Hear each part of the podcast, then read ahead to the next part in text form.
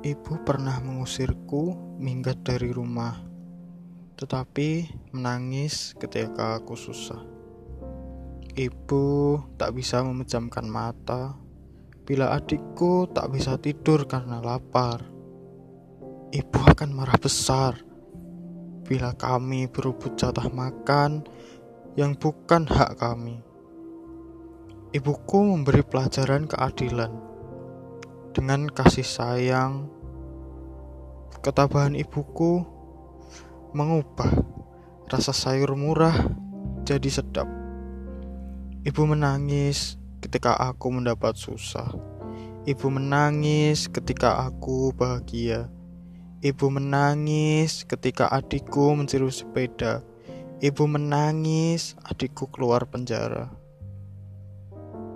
Ibu adalah hati yang rela menerima, selalu disakiti oleh anak-anaknya, penuh maaf dan ampun.